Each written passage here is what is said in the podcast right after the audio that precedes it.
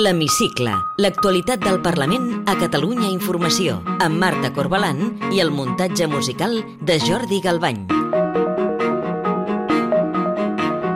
Els pressupostos de la Generalitat han de superar dilluns el primer examen al Parlament i el govern negocia in extremis a dues bandes per evitar que els comptes fracassin, amb la CUP i amb els comuns.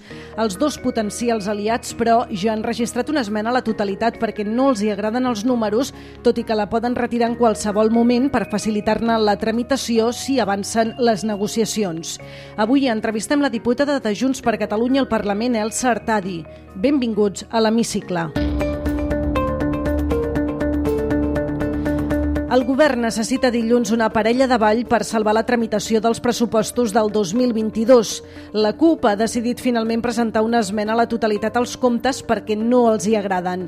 El veto encara el poden retirar, però els copaires hi posen condicions. Per exemple, demanen més diners en habitatge, que s'aparquin projectes com el Hard Rock o que s'avanci cap a un nou referèndum.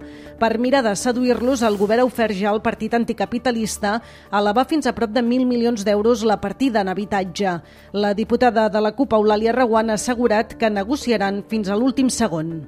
Treballem fins a l'últim moment perquè sigui possible avançar amb els objectius d'aquesta legislatura, que és el gir a l'esquerra i l'autodeterminació. A mitja setmana, davant la incertesa de si la CUP facilitarà o no la tramitació dels pressupostos, el president Pere Aragonès decidí activar un pla B i asseure's a negociar també amb els comuns, després dels insistents oferiments de la seva cap de files, Jessica Albiach. Ningú està entenent massa bé res, perquè estem a 17 de novembre i vostès encara no han aixecat el telèfon per trucar-nos. Parlem-ne, seiem i mirem la possibilitat d'ampliar la majoria que va permetre la investidura amb una majoria més àmplia per poder facilitar aquest pressupost. La mà estesa del president als comuns no ha agradat gens a Junts per Catalunya i el seu cap de files, Albert Batet, ho verbalitzava obertament durant la sessió de control.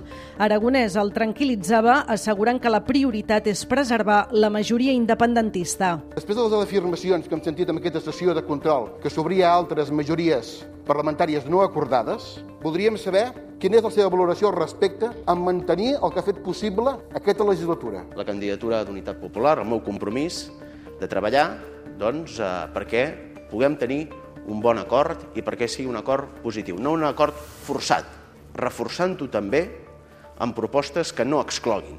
Mentre Aragonès obria la porta als comuns, la tancava al mateix temps el PSC, tot i els oferiments del cap de l'oposició Salvador Illa de seure's a negociar. Per responsabilitat política, jo aquest matí he demanat una reunió. Parlo en nom del primer grup d'aquesta cambra.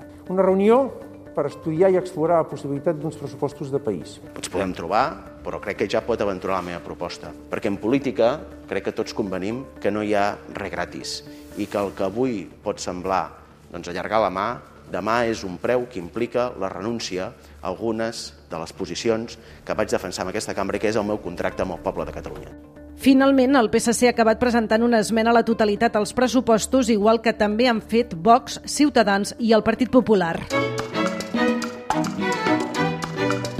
Té la paraula. Soc El Sartadi, soc diputada al Parlament de Catalunya des de la darrera legislatura i també sóc la cap del grup municipal a Barcelona i, per tant, representant la ciutat de Barcelona al Parlament de Catalunya. Creu que Catalunya finalment tindrà uns nous pressupostos l'any que ve? En això és el que estem treballant. Esperem que sí i estem posant molta feina. El que és la part numèrica està molt, molt avançada. El conseller Giró ha fet molta feina i cal acabar de complementar amb altres elements que no se'ns escapa que la llei de pressupostos també vol dir estabilitat del govern i, per tant, té un efecte que va més enllà del que són els números i les despeses dels departaments. El president Pere Aragonès ha obert aquesta setmana joc amb els comuns i, en canvi, ha tancat la porta al PSC. Junts per Catalunya avala aquesta via que ha obert el president? Eh, Junts per Catalunya té una prioritat que és la que està expressada en l'acord d'investidura del president Aragonès i que és la majoria parlamentària que li va donar suport. Eh, Pere Aragonès és president perquè hi ha 74 diputats independentistes que li vam fer la confiança. Ell no va guanyar les eleccions, però l'independentisme sí, i és gràcies a aquesta força que té l'independentisme que pot ser president i que podem tenir un govern independentista i hauríem de tenir una legislatura independentista. El PSC ha anunciat ja que presentarà una esmena a la totalitat als pressupostos. Com valora que el principal grup de l'oposició a Catalunya presenti aquesta esmena i esmeni a la totalitat als comptes del govern? Bé, aquest eh, suposat govern alternatiu ja hem vist que al final no hi ha res i que l'única cosa que fa és eh, vella política, tampoc hauria de sorprendre que el PSC estigués en contra d'un govern independentista i d'una legislatura independentista. Per retirar l'esmena a la totalitat, la CUP demana, entre altres qüestions, més diners en polítiques d'habitatge i a marge per incrementar els 770 milions d'euros previstos als pressupostos. Això ja el Departament d'Economia ja hi ha estat treballant. Les polítiques d'habitatge són una prioritat eh, per nosaltres, per Junts per Catalunya, tant a l'Ajuntament com a la Generalitat de Catalunya. S'està treballant i s'ha aconseguit poder ampliar aquesta partida. Jo crec que és un dels elements que quan parlem de números importa més eh, al, eh, a les CUP i per tant és una prioritat que hem aconseguit no? doncs, donar-li la màxima importància hi ha hagut el marge i el marge aquest s'aplicarà per poder tenir aquestes eh, polítiques d'habitatges en el voltant d'aquests eh, mil milions. La CUP també demana que retirin macroprojectes com, per exemple, el Hard Rock, eh, l'ampliació de l'aeroport del Prat o els Jocs Olímpics d'hivern. Creu que Catalunya pot encarar la reactivació econòmica sense aquests projectes? L'ampliació de l'aeroport, malauradament, no depèn de nosaltres. Hi ha una ministra socialista, exalcaldessa al Baix Llobregat, que va anunciar que el Partit dels Socialistes, que el govern de Pedro Sánchez, es renunciava a ampliar l'aeroport del Prat, com hem sospitat que farien des del principi.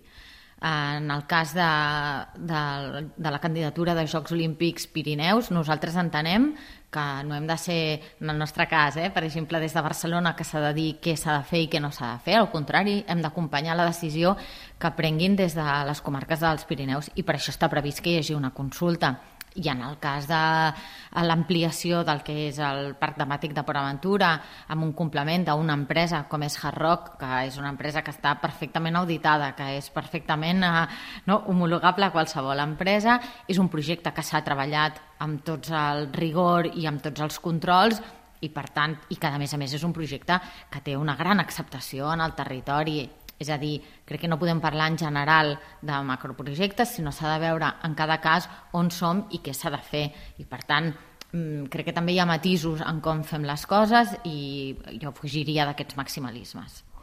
La CUP eh, també demana com a condició per facilitar la tramitació dels pressupostos eh, un full de ruta cap a un nou referèndum.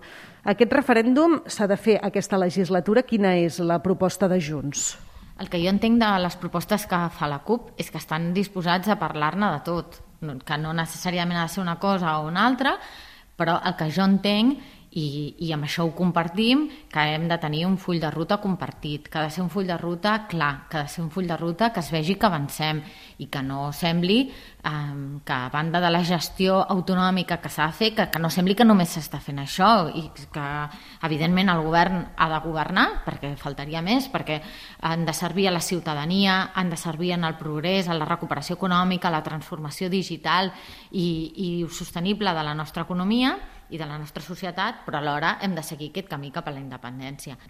Creu que el president aragonès està treballant en aquest camí cap a la, cap a la independència?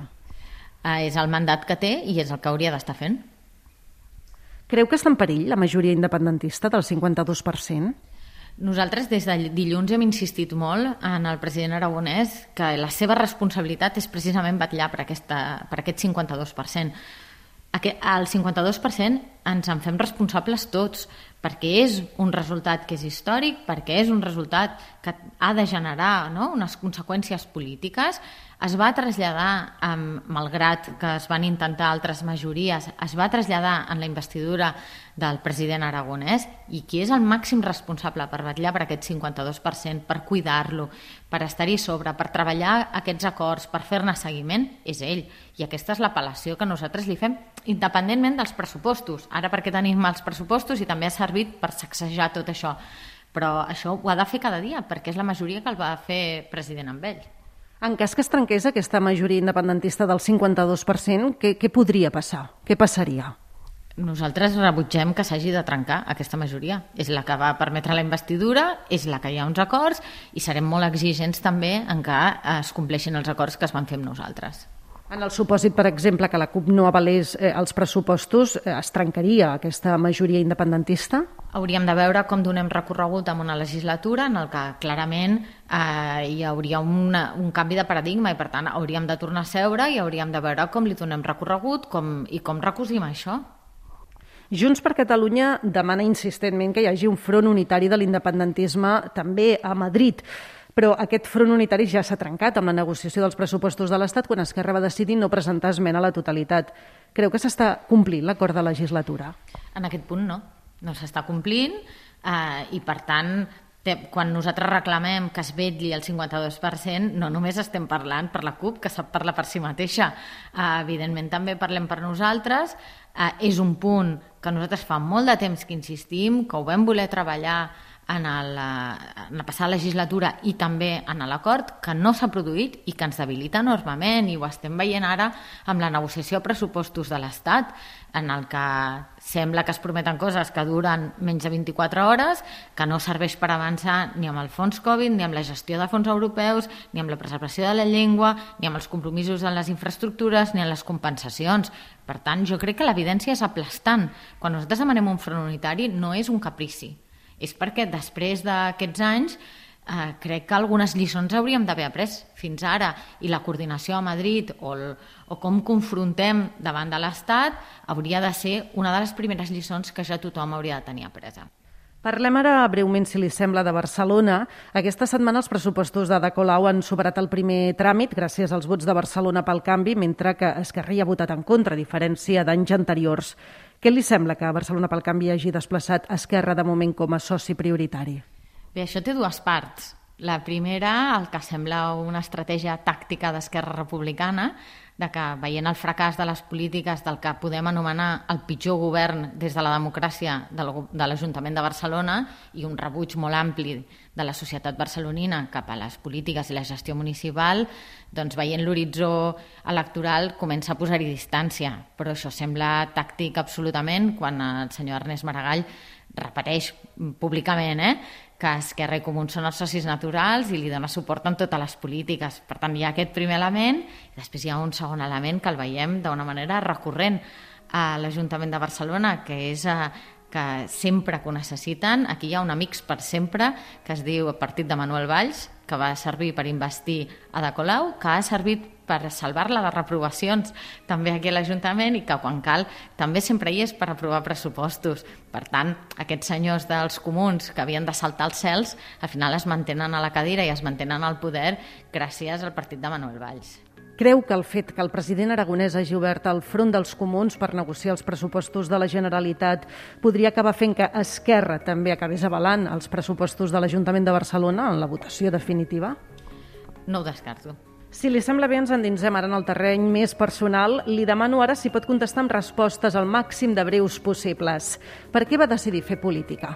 Per servir a la ciutadania. Digui'm dos adjectius que millor la defineixen. Uh, treballadora i sincera.